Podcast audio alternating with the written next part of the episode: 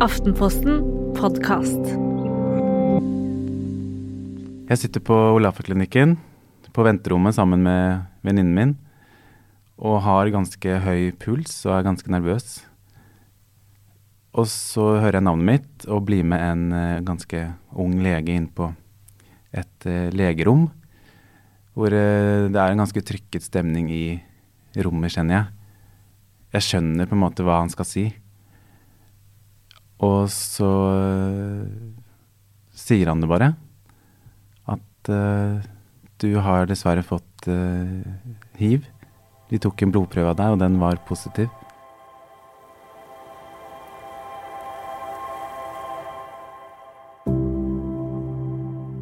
Jeg er fra et lite sted på Finnskogen som heter Svulleria. På barneskolen kjente jeg meg alltid veldig annerledes fra de andre. Fordi jeg var litt mer jentete enn en de andre guttene. Jeg ble erta litt på grunn av det, at jeg var litt feminin og Jeg syntes det var eh, Jeg likte ikke å høre det der og da. Og det var jo ikke så mange andre på skolen som likte det jeg drev med på fritiden, liksom, da. Å synge og, og sånt. Så da kjente jeg at uh, det må jo være noen der ute som liker å synge sånn som jeg liker å synge, på en måte.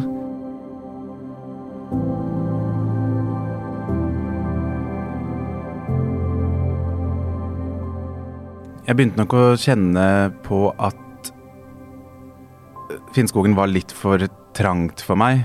Jeg måtte noe mer enn det Finnskogen hadde å tilby. Ehm, så når jeg kom til Oslo, når jeg var ferdig med alt av skolegang, da vil jeg bare strekke armene i været og eh, leve livet, på en måte. Så ja, jeg flytter dit når jeg er 18-19 eh, år.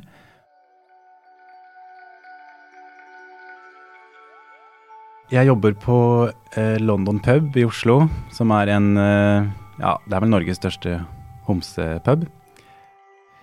Syns det var helt fantastisk å jobbe der og bli kjent med folk og alle ulike typer mennesker. Og det var litt det jeg savna på Finnskogen, kanskje.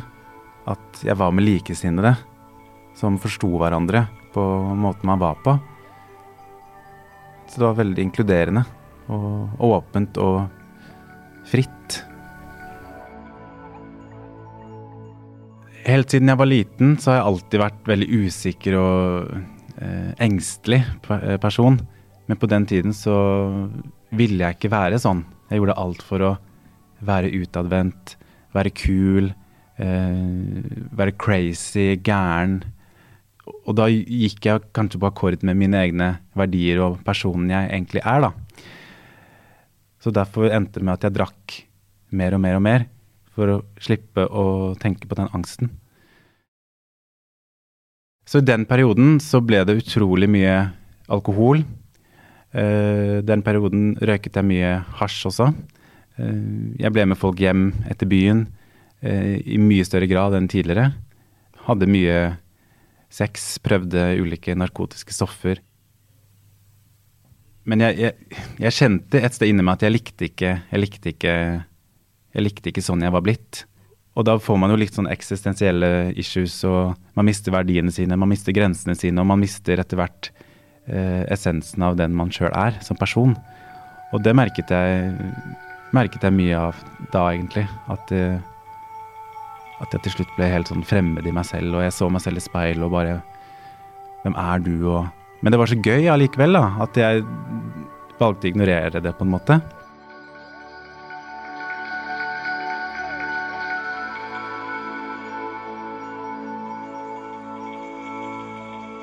Jeg søker tilfeldigvis på Journalistikkhøgskolen i Volda. Og så kom jeg inn. Og umiddelbart når jeg ser svaret i Samordna opptak, så tenker jeg at ja, det skal jeg. Jeg må Det blir muligheten jeg skal ta for å komme meg vekk fra Oslo og begynne på nytt med blanke ark.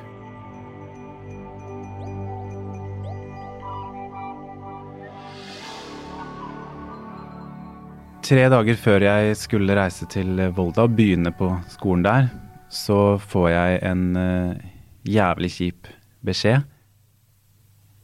at uh, du har dessverre fått uh, hiv. De tok en blodprøve av deg, og den var positiv. Jeg forsto jo hva det var, men når jeg hørte at han sa ordene til meg, så var det et sekund eller to som bare føltes som en time eller to. Hvor jeg Tiden bare sto helt stille, og jeg kjente at det knøyt seg i magen, og pusten var helt stille før jeg liksom Og tankene raste i 1000 km i hodet, for jeg visste ikke hvordan jeg skulle reagere på det. Så da Da ble jo denne framtidsoptimismen og, og motivasjonen for å begynne et nytt liv med blanke ark ble jo litt forurensa av den nyheten. Jeg var så optimistisk på at nå skulle ting bli bra. For nå skulle jeg inn i et, en periode med et mål, så ble jeg jo kjempelei meg. Jeg ble eh, Ja, jeg ble, jeg ble redd. Og jeg ble bekymra for uh, framtiden, uh, partnerskap, uh, barn, stigmatisering, diskriminering, sex.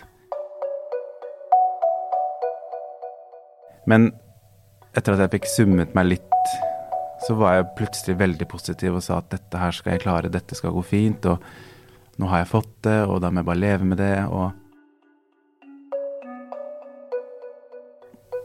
Og så drar jeg til Volda, da. Eh, fått medisiner, fått kontakt med en ny lege. Drar til Volda, driter i alt dette her. Samtidig som jeg blir påminnet hver eneste dag når jeg tar de tablettene om at Men tenker jeg ok, da får det bare være en hemmelighet til, da, som jeg skjuler, liksom.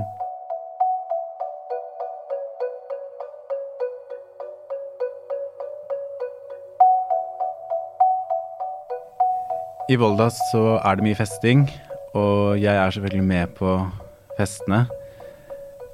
Men jeg opplever uh, stadig mer i, i, meg selv et slags mørke jeg ikke helt klar å sette fingeren på.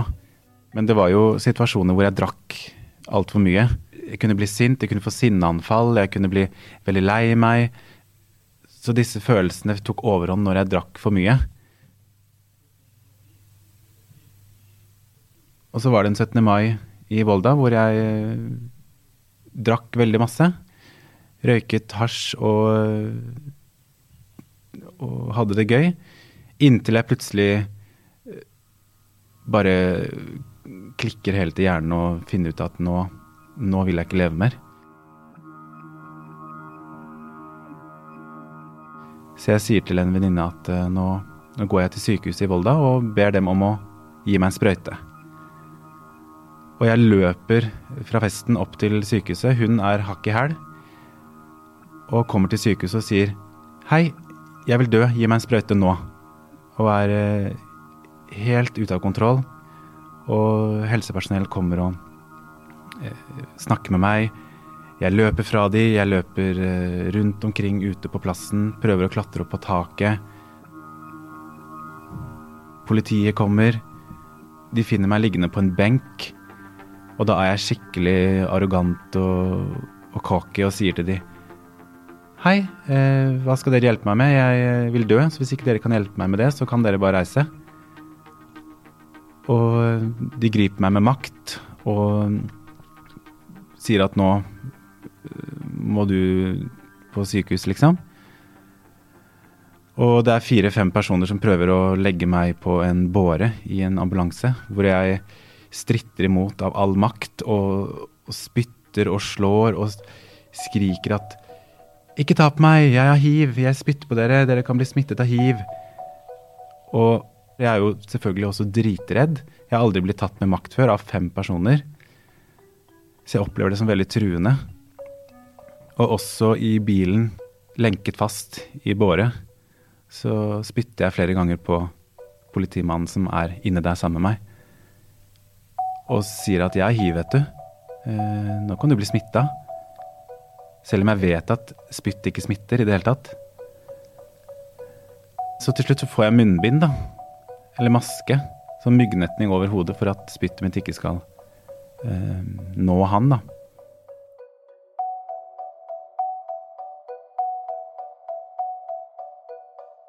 Og så kommer jeg til Ålesund, og da er jeg blitt litt roligere. Og innser at fader, hva er det jeg har gjort, liksom?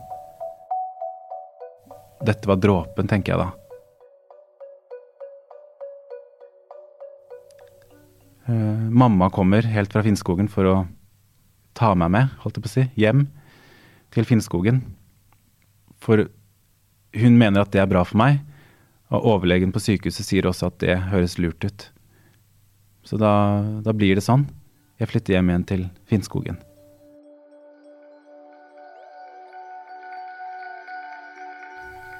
Da temaet om å flytte hjem til Finnskogen kom på bordet, fryktet jeg litt at jeg kom til å bli veldig, veldig ensom. At jeg kom til å føle meg alene, og at jeg ikke kom til å bli ivaretatt eller akseptert.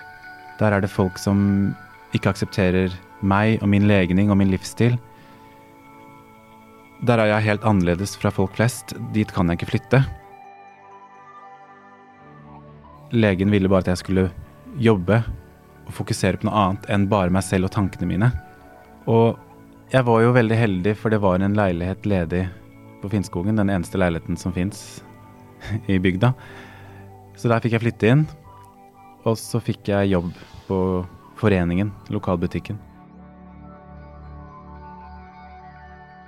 Så de første dagene ble jeg jo kastet ut i butikken, jobbe. Møtte selvfølgelig alle menneskene på Finnskogen som jeg grudde meg litt til å møte. Og når jeg så de, så tenkte jeg sånn Å nei, nå blir det sånn smalltalk og kjedelig, mm, kjedelig, kommunikasjon. Og det var det jo, men jeg følte allikevel at, at, at uh, det de sa, var ekte. At den klemmen var genuin sånn Å, så godt å se deg, så godt å ha deg tilbake.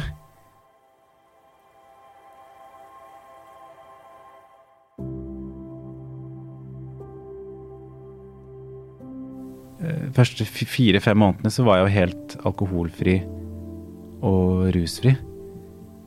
Eh, og det kjente jeg at det var kjempe, kjempedeilig for meg. Det løsnet noe inni meg. At alle de festlighetene og den usunne livsstilen på en måte bare glapp taket. Og jeg begynte på en måte å helbredes inni meg, og det var i et trygt miljø.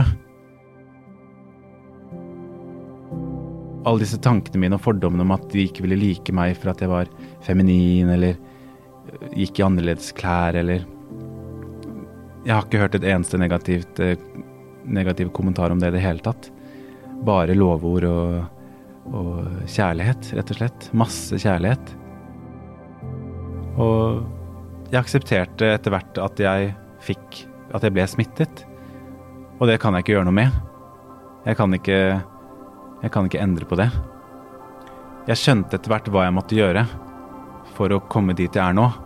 Til å kunne tørre å si til verden at hei, jeg har hiv, det er ikke farlig. Jeg er ikke farlig. Nå vet jeg det. Og jeg skammer meg ikke lenger over det.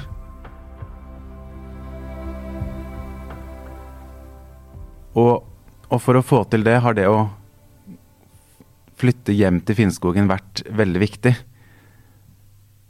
Fordi da har jeg fått et rotfeste, jeg har fått et samfunn, jeg har fått en tilhørighet, jeg har fått en, en, en plass, en verdi. Det er sånn typiske ord som man leser om i en diktbok, og så fnyser man av det. Men jeg har innsett nå at det er jo de klisjéordene som er viktige, da, som har vært mangelvare hos meg, og akseptere at det er det jeg trenger. Og så nå stiller jeg meg veldig rusta til nye utfordringer kanskje seinere. Om noen år. I morgen. Jeg vet ikke. Og det er takket være at jeg fikk den roen og freden.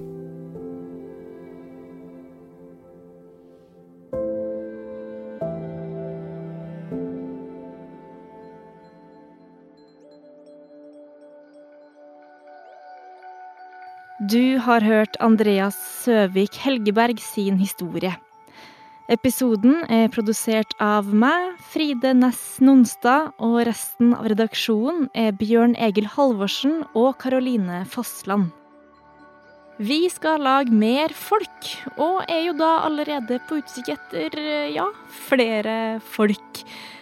Har du kanskje en historie, så vil vi veldig gjerne høre fra deg. Send oss en mail på folkalfakrøllaftenposten.no. Og har du lyst til å høre flere historier om folk, så finner du nå alle ni episoder fra første sesong i appen Podmy og på aftenposten.no. Og er du allerede Aftenposten-abonnent, så har du gratis tilgang til Podmy ut august.